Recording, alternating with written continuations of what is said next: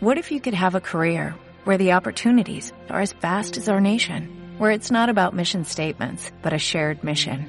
At U.S. Customs and Border Protection, we go beyond to protect more than borders, from ship to shore, air to ground, cities to local communities. CBP agents and officers are keeping people safe. Join U.S. Customs and Border Protection and go beyond for something far greater than yourself.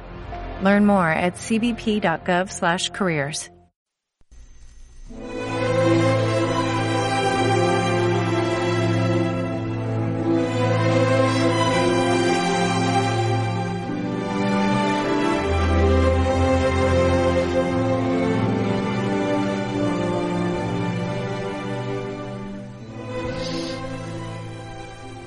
Hola, amics de la poesia.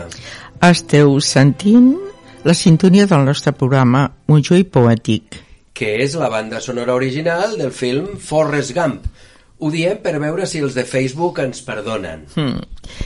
Des dels estudis del carrer Química és un plaer acompanyar-vos, com sempre, aquesta tarda amb vosaltres. Amb vosaltres, Montse Artal, Aleix Diz, Vicky Posades... perquè tot rulli tan bé com fins ara, millorant cada dia.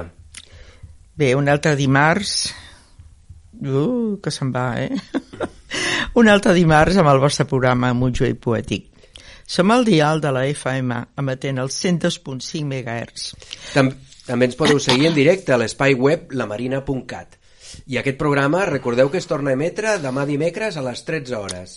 També ens podeu seguir en streaming a través del Facebook a la Marina Cat. Ens agradaria que ens truquéssiu al 93 331 40 40. Repeteixo, 93 331 40 40. Demanant-nos algun poeta, algun poema o algun tema. La Vicky atendria la trucada. O també ja ho sabeu que ens enviéssiu algun àudio d'algun poema que us agradi.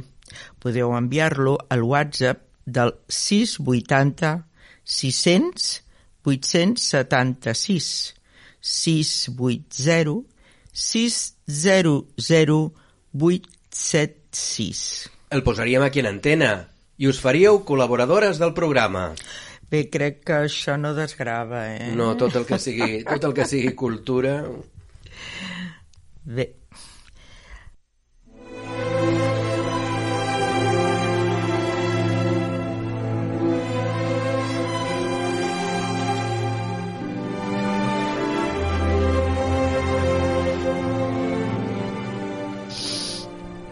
Bé, al programa d'avui... Què escoltarem avui? Una altra cançó de Simon and Garfunkel, versionada a la nostra llengua. Escoltarem els poetes programats per al dia d'avui, que eren José Martí Josep Vicenç Foix, i especialment avui Vicente Blasco Ibáñez Castelao... i també Concepción Arenal. A l'actualitat parlarem d'un proper acte demà a les cotxeres de Sants. i d'un concurs de poesia. I acabarem amb els àudios dels nostres oients i col·laboradors a Montjuïc Poètic.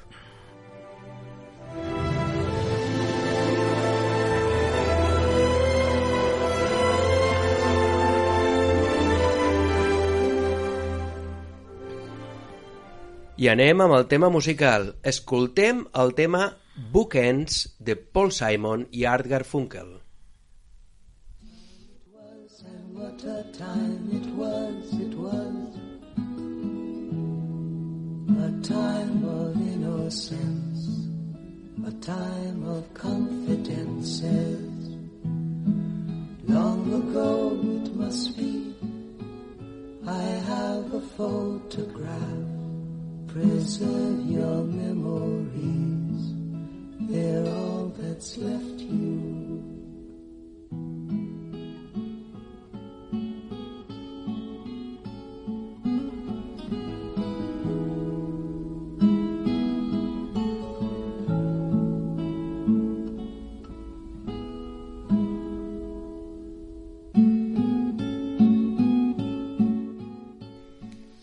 Bé, el tema Bookends significa subjecte llibres, book ends, o sigui, el final dels llibres. Sabeu que al final dels llibres es posa alguna peça de fusta o d'alabastre que, les, que el Sí, subjecti, no? el subjecte. Per tant, la, la traduïm per subjecte llibres.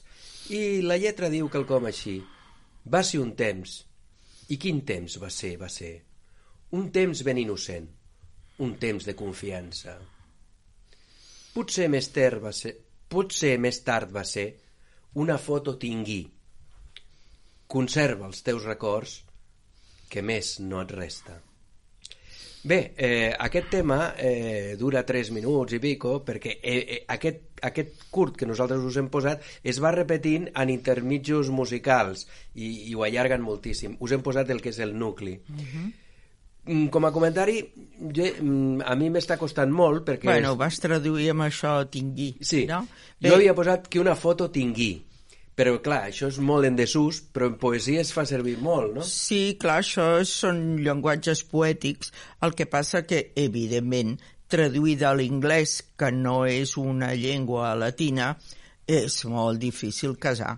Pots posar una foto tingui, però si ho fas amb un llenguatge col·loquial, ja que és una traducció lliure, doncs pots posar molt bé vaig tenir, Sí. i no passa res.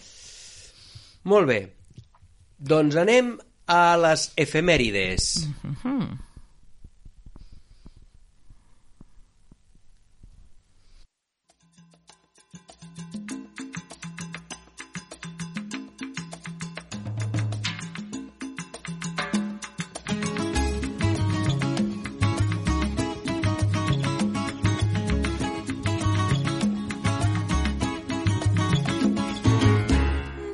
tierra bella, de mi tierra santa. Oigo ese grito de los tambores y los timbales al cumbanchá. Y ese pregón que canta una... Bé, ja ho endevinat, no? José Martí Pérez. El 28 de gener de 1853 va néixer a l'Havana, Cuba, José Martí Pérez, conegut pels seus com l'apòstol. De pare valencià i mare canària, està considerat el poeta de la independència cubana. De jove va mostrar el seu compromís amb els criollos que volien la independència. Fou arrestat, va patir presó i fins i tot treballs forçats. Els grillons li deixaren seqüeles i va haver de ser operat. El seu pare va aconseguir la seva repatriació repatriació a Espanya, eh, on va explicar la rudesa de la repressió colonial a Cuba. Comentari, el pare era espanyol, per tant tenia tots els drets. I era nas- metge, no? els nascuts a Cuba, encara que fossin fills d'espanyols, eren americans i no tenien tots els drets. Per això els criollos es van revoltar contra Bueno, la metrópoli. eren criollos, Clar, es van revoltar. A Mèxic, on va fugir, va connectar amb l'indigenisme americà i s'hi va casar. Després va viure als Estats Units, des d'on va planificar la invasió en tres onades del seu país, Cuba. Però el projecte va fracassar, perquè el 1884 va ser un xivatazo que algú els va delatar. Bueno, ja se sap. Els veterans de la guerra dels 10 anys el nomenaren major general de l'exèrcit d'alliberament l'abril de 1885. I el mes següent, el 19 de maig, cau en combat a dos rios. Seva és la poesia que saben tots els nens cubans des de l'escola. Cultiva una rosa blanca en junio como en enero para el amigo sincero que me da su mano franca. Y para el cruel que me arranca el corazón con que vivo, cardo ni ortiga cultivo, cultivo la rosa blanca. I seus són també aquests versos que ara sentirem. Mi verso es de un verde claro y de un carmín encendido. Mi verso es un ciervo herido que busca en el monte amparo. Mi verso al valiente agrada, mi verso, breve y sincero, es del vigor del acero con que se funde la espada. I també són seus els versos que diuen Yo soy... Yo soy un hombre sincero de donde crece la pampa y antes de morir me quiero echar mis versos del alma. Bé, l'heu encertada. Hombre, i tant que sí. És que tenim una audiència molt llesta. Aquesta és la lletra de Guantanamera. I, com no,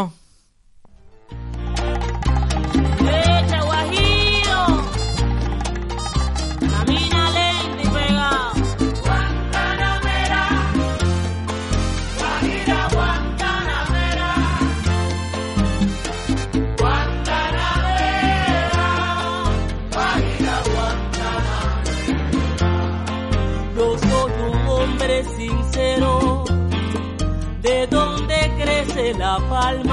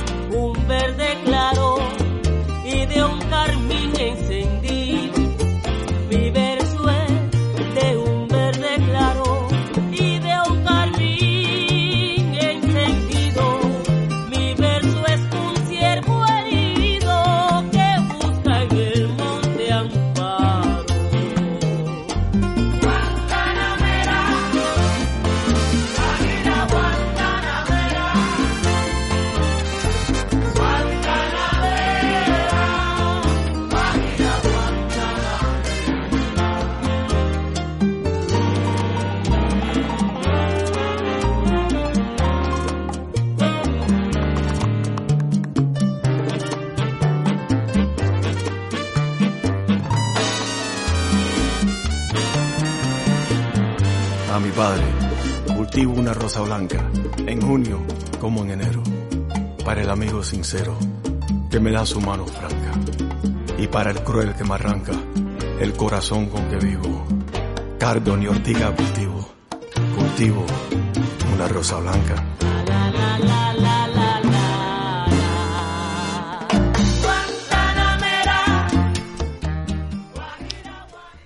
Bé, heu sentit aquesta magnífica versió de Lucrecia Guantanamera amb Andy Garcia. I per ara aquí ho deixem. Porque con lo cubano ya tú sabes, mi broda. Se sabe cuándo empieza, pero no cuándo acaba. I bé, i més si hi ha rom pel mig. Pero sin quemar, ¿eh? Sin quemar, que los catalanes lo quemáis. Bueno, però aquí ja veieu, no, no en tenim.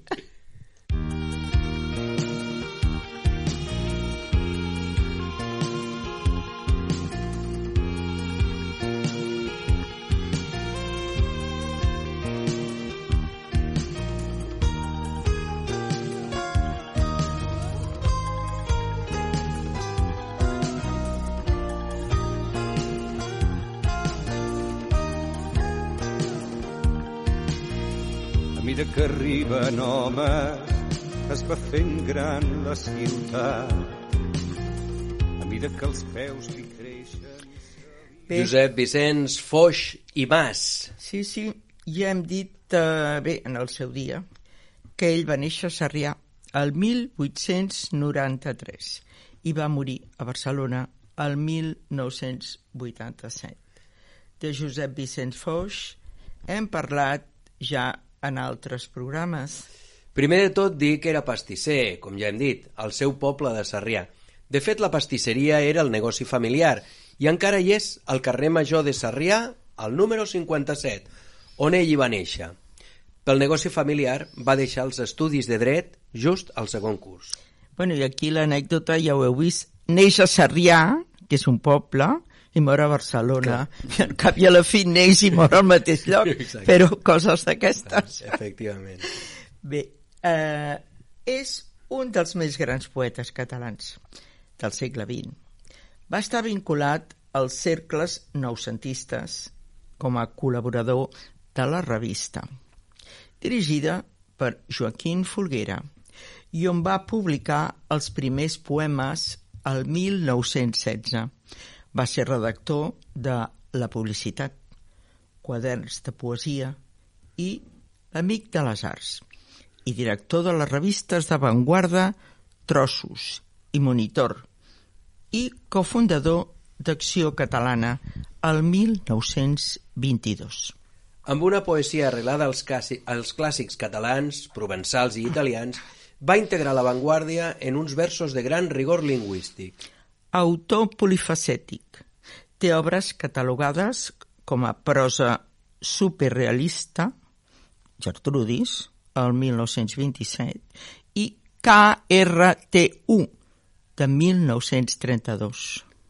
Poesia, també, Sol i de Dol, del 1947, Les irreals omegues, de 1949, On he deixat les claus, de 1953, Prosa poètica, del diari 1918, això publicat el 1956, i també va ser articulista, com per exemple Els lloms transparents, de 1969. i també Retrats catalans de 1918, publicat el 1965. Està considerat com a poeta surrealista. Ja sabeu que el surrealisme és aquell corrent artístic que li dona un gran pes a les associacions oníriques, és a dir, aquelles imatges que són com les que fem durant els somnis.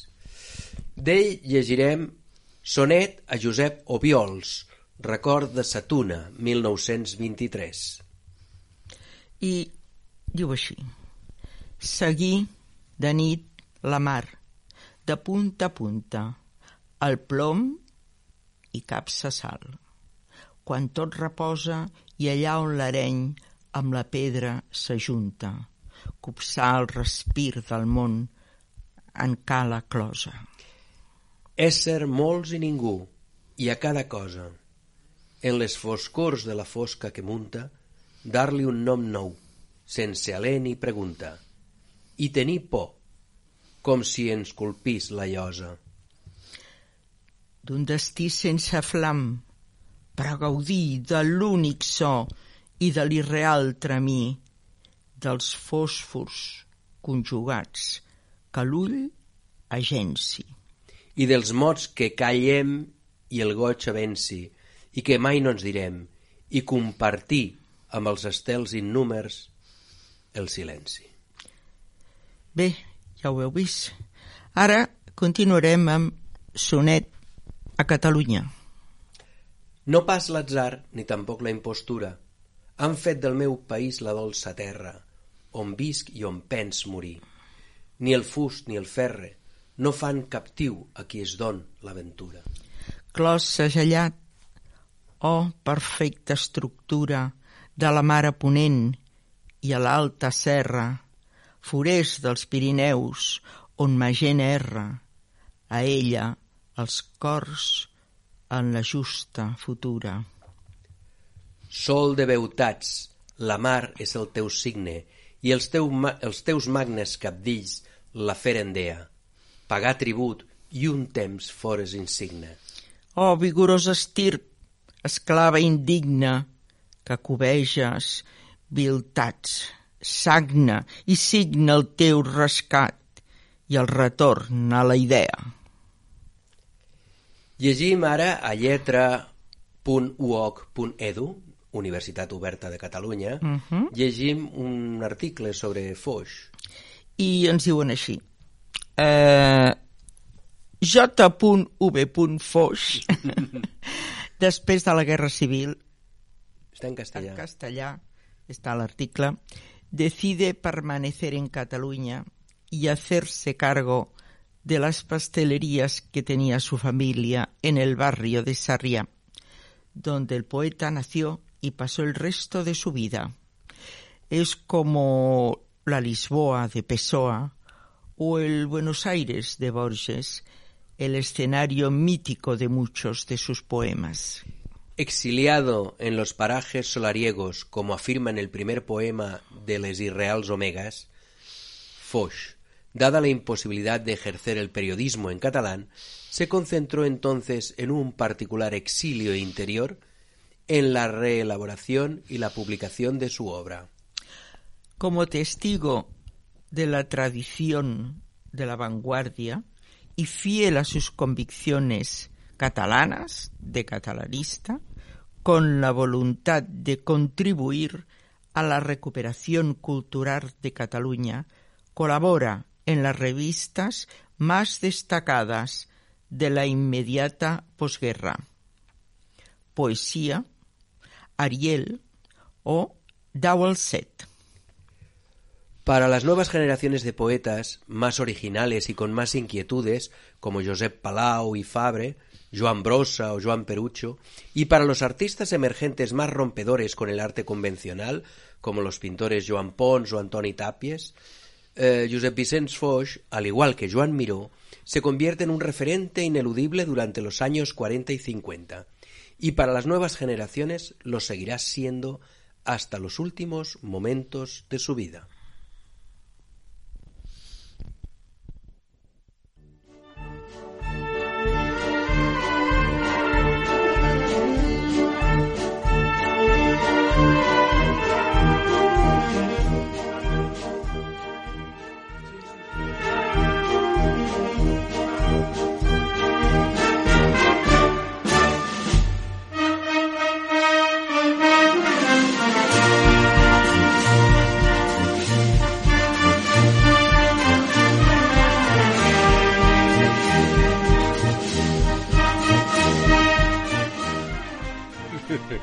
Aturem aquí, aturem-nos, que els valencians també se sap quan comencen, però no quan ni com acaben. Bé, bé, bé. A veure, a més a més, això és Paquito el Chocolatero. Bueno, de moros i Moros i cristians. cristianos. Que és de totes les mm, cançons de- d'aquí de, l'estat espanyol, la que més recapta cada any. No, no, seguríssim. I perquè anem a parlar d'un escriptor que també va fer molta caixa. Pues sí, eh, inopinadament en aquestes terres, però bueno, va ser fora de les terres. Però vinga, anem a parlar de Vicente Blasco Ibáñez. Ell va néixer a València el 29 de gener de, 19, de 1867 i va morir a Menton, a la Costa Blava francesa. Sempre moren a fora. el 28 de gener de 1928, un dia abans de fer els 61 anys. Potser és el novel·lista espanyol contemporani més famós amb èxits nacionals de tanta anomenada com La Barraca, Canyas i Barro, o bé d'internacionals, com Los Cuatro Jinetes de l'Apocalipsis, que es va fer una pel·lícula Oh, I d'aquest tant, i tant. I va ser el llibre més venut als Estats Units l'any 1919. És un escriptor atípic a Espanya. Per l'època li tocava pertànyer a la generació del 98, però el seu estil purament naturalista l'aparten de l'intel·lectualisme d'aquells autors. A més, es va fer ric escrivint, cosa inusitada a l'estat espanyol. Però no ens enganyem. Blasco Ibáñez era un líder republicà, federalista, autonomista, que va trencar amb el tarannà tibat, llunyà i elitista dels polítics i dels parlamentaris d'aquella època. Ell no, ell era proper. Era molt proper. Mm, i molt popular. Sí, sí, molt proper al poble. A on Anem anava, a veure. Sí, sí, a on anava Sí. eh, sempre hi havia Eh, sí, eh, aviam, anem a pams. Us portem una sorpresa aquí al final d'aquesta intervenció sobre Blasco Ibáñez. Ell és un novel·lista, que és mundialment conegut, eh? però, clar, la seva obra és en castellà. Recordeu que a l'escola només s'ensenyava castellà, però... Al, al quotidiano.es hem trobat un interessantíssim article d'un escriptor valencià, Alfonso Vila Francés. Ell va trobar un poema en valencià escrit de mà i lletra de Vicente Blasco Ibáñez. I bé, d'aquest article prenem tota la informació que ara us mostrarem.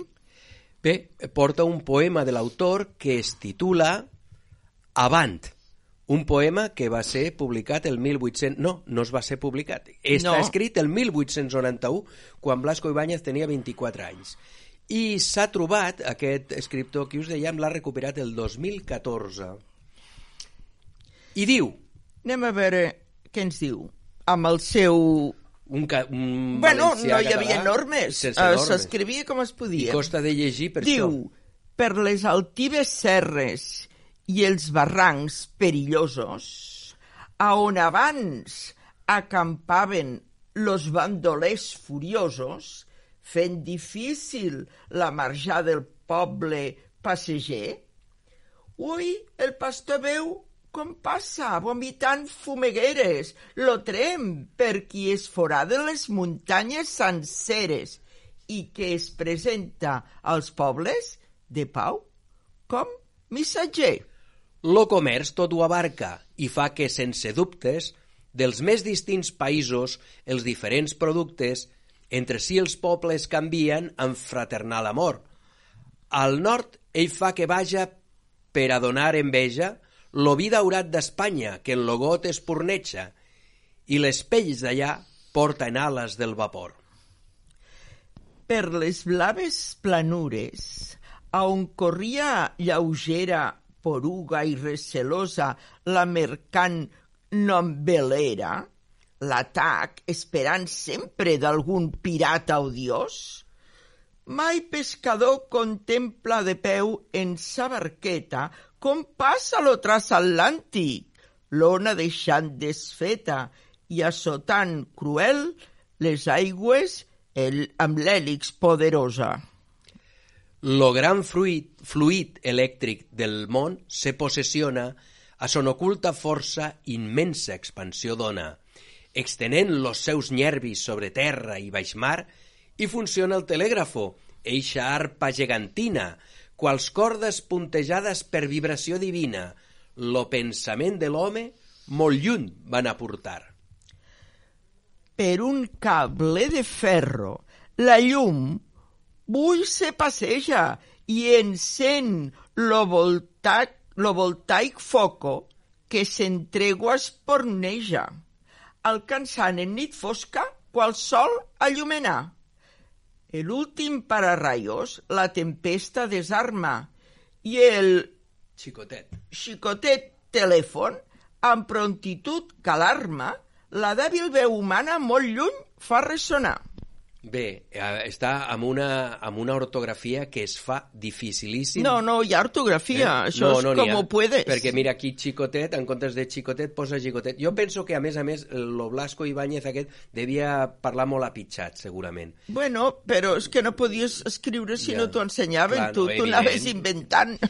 És impressionant Però és impressionant, eh? com de prop es troba aquesta febril mm. poètica de joventut del Blasco Ibáñez del manifest futurista. No, no, és que clar, és l'exaltació de la màquina i del moviment. Sí, I sí, aquest sí. implícit trencament amb el que fins aleshores era tradicional, Eh, no? eh, és que devien al·lucinar autènticament, eh? Estem parlant de finals del segle XIX, eh? L'electricitat va ser una revolució brutal. Bé, anem tirant. Aquest tal Alfonso Vila ens explica més detalls del poema, però.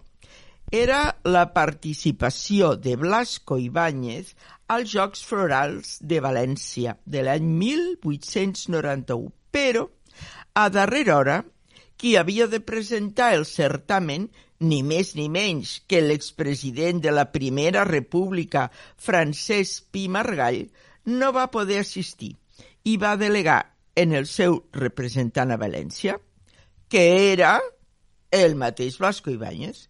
Amb això, el seu poema queda fora de concurs i potser va restar oblidat. I, i fins ara.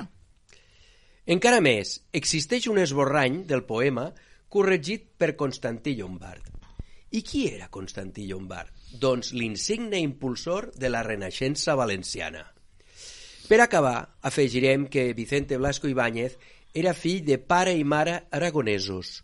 Jo crec que de Teruel, perquè el cognom Blasco em sona molt de Teruel. No, no, i Teruel està enganxat Està a tocant. València. Hi ha molta gent d'origen de Teruel, que, de Terol, que viu allà. És a dir, la seva llengua materna no era la valenciana. Per això és tan sorprenent no? haver trobat... Sí, Però, clar, sí. Ell, republicà i federalista, està clar que ell va haver una època de la seva vida que va treballar la llengua No, no, i valenciana. que volia estar a València amb totes les conseqüències.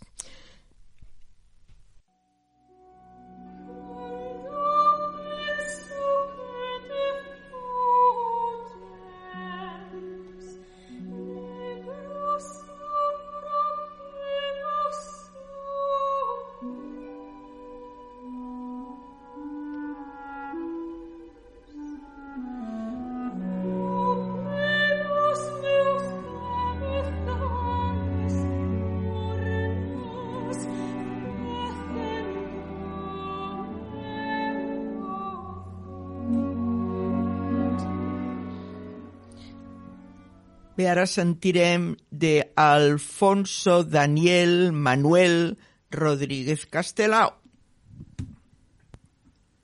Fíxenme médico por amor ao meu pai. Non exerzo a profesión por amor á humanidade. És a dir, em vaig fer metge per amor al meu pare i no faig de metge per amor a la humanitat. Bé, és una manera de presentar-se. Anem a veure qui era. Ell va néixer a Riancho, Galícia, el 30 de gener de 1886. Va morir a Buenos Aires, Argentina, el 7 de gener de 1950. Va ser un important polític, escriptor, pintor i dibuixant de Galícia. És un dels pares del nacionalisme gallec. Va pertànyer al govern republicà en l'exili i potser és la figura més important de la cultura gallega del segle XX. Bé, eh, personalment, l'estimació que tinc per, eh, per aquest senyor rau en les meves arrels, que són gallegues. Aquest senyor era metge republicà, exactament com el meu avi. Era dibuixant, com el meu pare. I amb un sentit irònic gallec que a mi m'ha arribat per educació paterna. Bé, la seva obra mm, toca la narrativa, el teatre, l'assaig i el dibuix, però no la poesia. Però aprofitarem que som al Facebook per visualitzar algunes de les seves cèlebres vinyetes. Podem posar la primera? Correcte. Ai, Bé. Llegeix la seva. Sí, en aquesta primera es veu un avi que està amb el seu net Mm. i diu el nen li pregunta a l'avi e os de banda de la som... estan a la, a la ribera del Miño. O sigui que a l'altra banda es veu Portugal. I el nen diu e os de banda de la son máis estranxeiros que os de Madrid? Non se supo que respondeu o vello no se supo lo que le respondió el abuelo. Passem a la segona. En la segona es veu el servilisme d'un paisaniño que li pregunta a un cacique.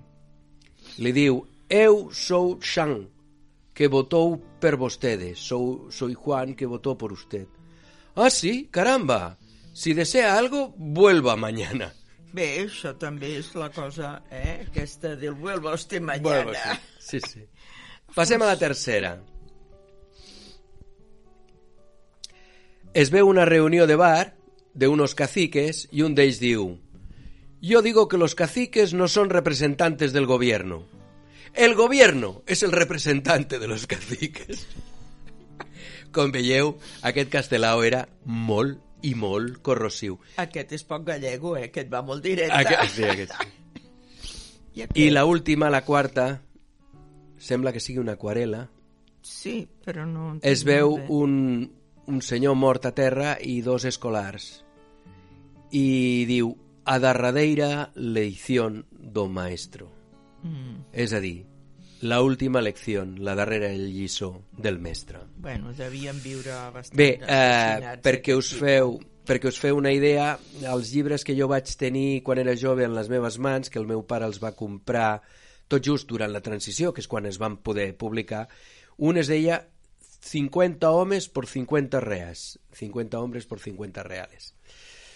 I l'altre es deia Atila en Galícia, i em sembla que aquest és de Atila en Galícia, mm. que parla de, de la repressió, Sí, sí. Eh, la repressió franquista sobre Galícia. Molt bé, Seguim? Seguim. No he posat interludi musical, però mm, Perquè també, estem a Galícia, també no? estem a Galícia. o sigui, Comencem amb la Concepción Arenal. Odia el delito y compadece al delincuente. Abrid escuelas y se cerrarán las cárceles. Sí, jo afegiria, a més a més, ompliu les panxes, doneu feina i doneu lloc on viure. I haureu de tancar moltes presons. Bé, a veure si ens aclarim amb... amb... ah, exa- Ai, Déu meu, La senyor. tècnica... No, és que per posar-ho. Bé, començarem dient on va néixer. Mare meva. Estem buscant el registre civil. La Concepció, o sea, Concepción Arenal Ponte, va néixer a El Ferrol el 31 de gener de 1820. Va morir el 1893. Amb 73 anys, és clar. Era experta en dret, periodista, poeta, pensadora, dramaturga i pionera feminista. I està considerada precursora d'allò que ara anomenem treball social.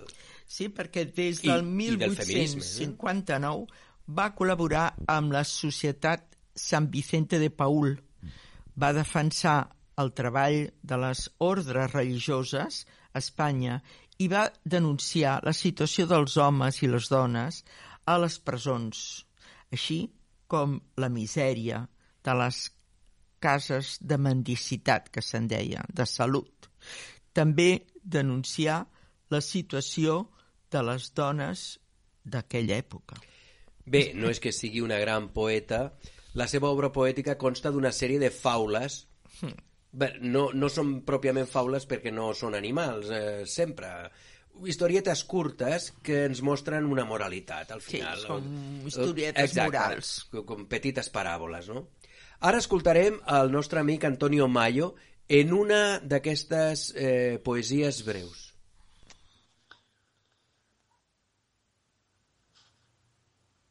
Concepción Arenal. Iba un día con su abuelo. Iba un día con su abuelo paseando un colegial y debajo de un peral hay una pera en el suelo. Mírala, cógela, muerde, más presto arroja el bocado, que muy podrida de un lado estaba y el de otro lado verde. Abuelo, ¿cómo será? Decía el chiquillo, escupiendo, que esta pera que estoy viendo podrida, aunque verde está. El anciano con dulzura dijo, viólele ese mal por caerse del peral sin que estuviera madura.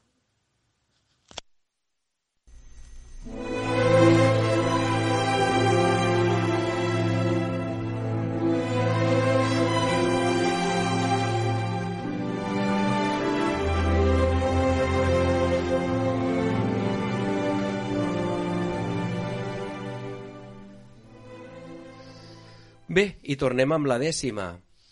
Una de les compositores més cèlebres de dècimes ha estat Violeta Parra, nascuda el 1917 i morta el 1967. Ella va escriure la seva autobiografia en dècimes. Sí, es tracta de gairebé una seixantena de dècimes que expliquen coses de la seva vida i de la seva família. A continuació, llegim dues en què parla del germà gran, Nicanor, poeta del qual hem parlat en el seu dia. Sí, era aquell un dels autors del que ella anomenava la antipoesia. Bé, i les dècimes de Violeta diuen així. Muda, triste y pensativa, ayer me dejó mi hermano, cuando me habló de un fulano muy famoso en poesía. Fue grande sorpresa mía cuando me dijo Violeta, ya que conocís la treta de la versa popular, principalmente a relatar tus penurias a lo poeta. Válgame Dios, Nicanor, si tengo tanto trabajo que ando de arriba para abajo desentierrando folclor. No sabéis cuánto dolor, miseria y padecimiento me dan los versos que encuentro. Muy pobre está mi bolsillo y tengo cuatro chiquillos a quienes darle el sustento. Bé, eh, ens costa de llegir perquè la grafia és tal com parla el poble a, a Xile. Eh? Principiame a relatar las tus penurias a lo poeta, en vez de poeta dice poeta, no? No sabís quanto dolor, eh? I, i ho es transcriu exactament igual com ho diu la gent. L'altre germà petit, Roberto Parra, eh, resulta que va utilitzar la dècima per compondre la seva obra teatral, que es diu Les dècimes de la negra Esther. Estan inspirades en una prostituta de la ciutat de San Antonio, de la qual ell es va enamorar. Eh, aquesta obra de teatre, com a folclorista que ell era, igual que Violeta, ell mateix la va musicar.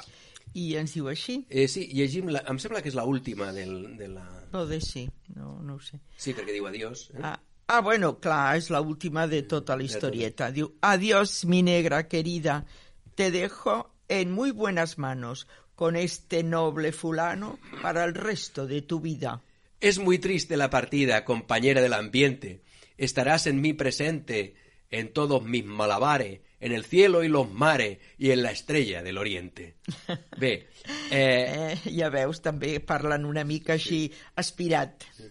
Aquí, Roberto s'acomiada de la negra Esther, de qui es va enamorar.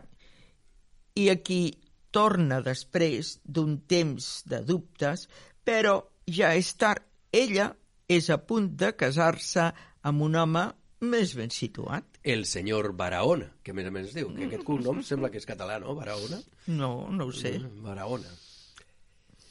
Tant l'un com l'altre germà reprodueixen, com hem dit, el parlar popular, saltant-se les normes ortogràfiques i fent un ús profús de l'apòstrof que no es fa servir en el castellà normatiu. Eh, bé, ells volen escriure com es parla. Exacte. I, evidentment, eh, es fa el que s'assembla cadascú amb el parlar. Bé, anem a veure... D'aquesta obra, Sí. un director teatral, que es deia Andrés Pérez, va ser un musical d'èxit. Exactament. I, de fet, aquest musical i aquesta obra de teatre han sigut, dintre de Xile, les més exitoses i, i de les xilenes que més han triomfat fora, que fora de Xile. Sí, sí.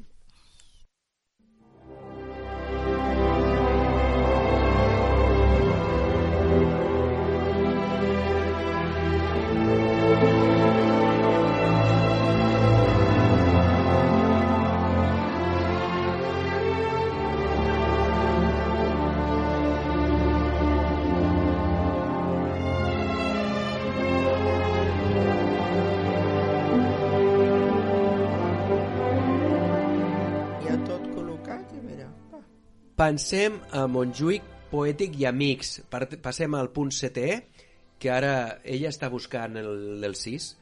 Llavors, eh, començarem amb l'àudio 2, que és de Caro Vila, Villarroya, que parla amb un, que ens explica un de José Martí. Hola, molt bona tarda, sóc la Caro i vaig a recitar un poema de José Martí Pérez que du per títol La copa envenenada i diu així Des que toqué, señora, vuestra mano, blanca y desnuda en la brillante fiesta, en el fiel corazón intento en vano los ecos apagar de aquella orquesta, del vals asolador la nota impura, que en sus brazos de llama suspendidos, rauda os llevaba al corazón sin cura, repiten amorosos mis oídos. Y cuanto acorde vago y murmurio ofrece al alma audaz la tierra bella, fíngelos el espíritu sombrío, tenue cambiante de la nota aquella. Óigola sin cesar, al brillo, ciego, en mi torno la miro vagorosa, mover con lento son alas de fuego y mi frente a ceñir tenderse ansiosa. Oh, mi trémula mano bien sabría al aire hurtar la alada nota hirviente y con arte de dulce hechicería colgando a Delfas a la copa ardiente. En mis sedientos brazos, desmayada, daros, señora, matador perfume, mas yo apuro la copa envenenada y en mí acaba el amor que me consume. Molt bé, i ara sentirem l'àudio número 3, sentirem a Àngeles Martín, ella es presentarà Però, a veure, vull fer-vos una, una, una advert, un advertiment sobre aquest àudio. Eh, perquè és que al principi no és perquè ella ho digui malament, sinó perquè és que comença d'una manera molt estranya i no s'entén el que diu. El poema es diu Una col i comença dient ¿Eres col o me escuchas, oreja de los campos? ¿Eres col o me escuchas, oreja de los campos? Hola, buenas tardes. Soy Ángeles Martín. Voy a leer un poema de Vicente Molina Foix. ¿Eres col o me escuchas, oreja de los campos?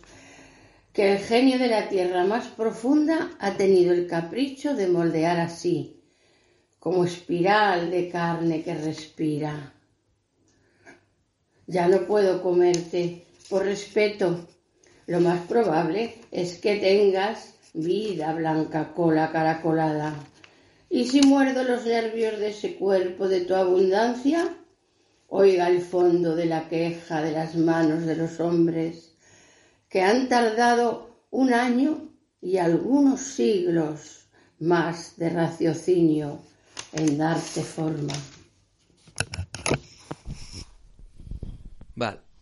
I ara el 4 tornarem a sentir a Caro Vilarroya en un de Josep, Vicent, Josep Vicenç Foix. Hola, molt bona tarda de poesia. Soc la Caro i vaig a recitar un poema de Josep Vicenç Foix.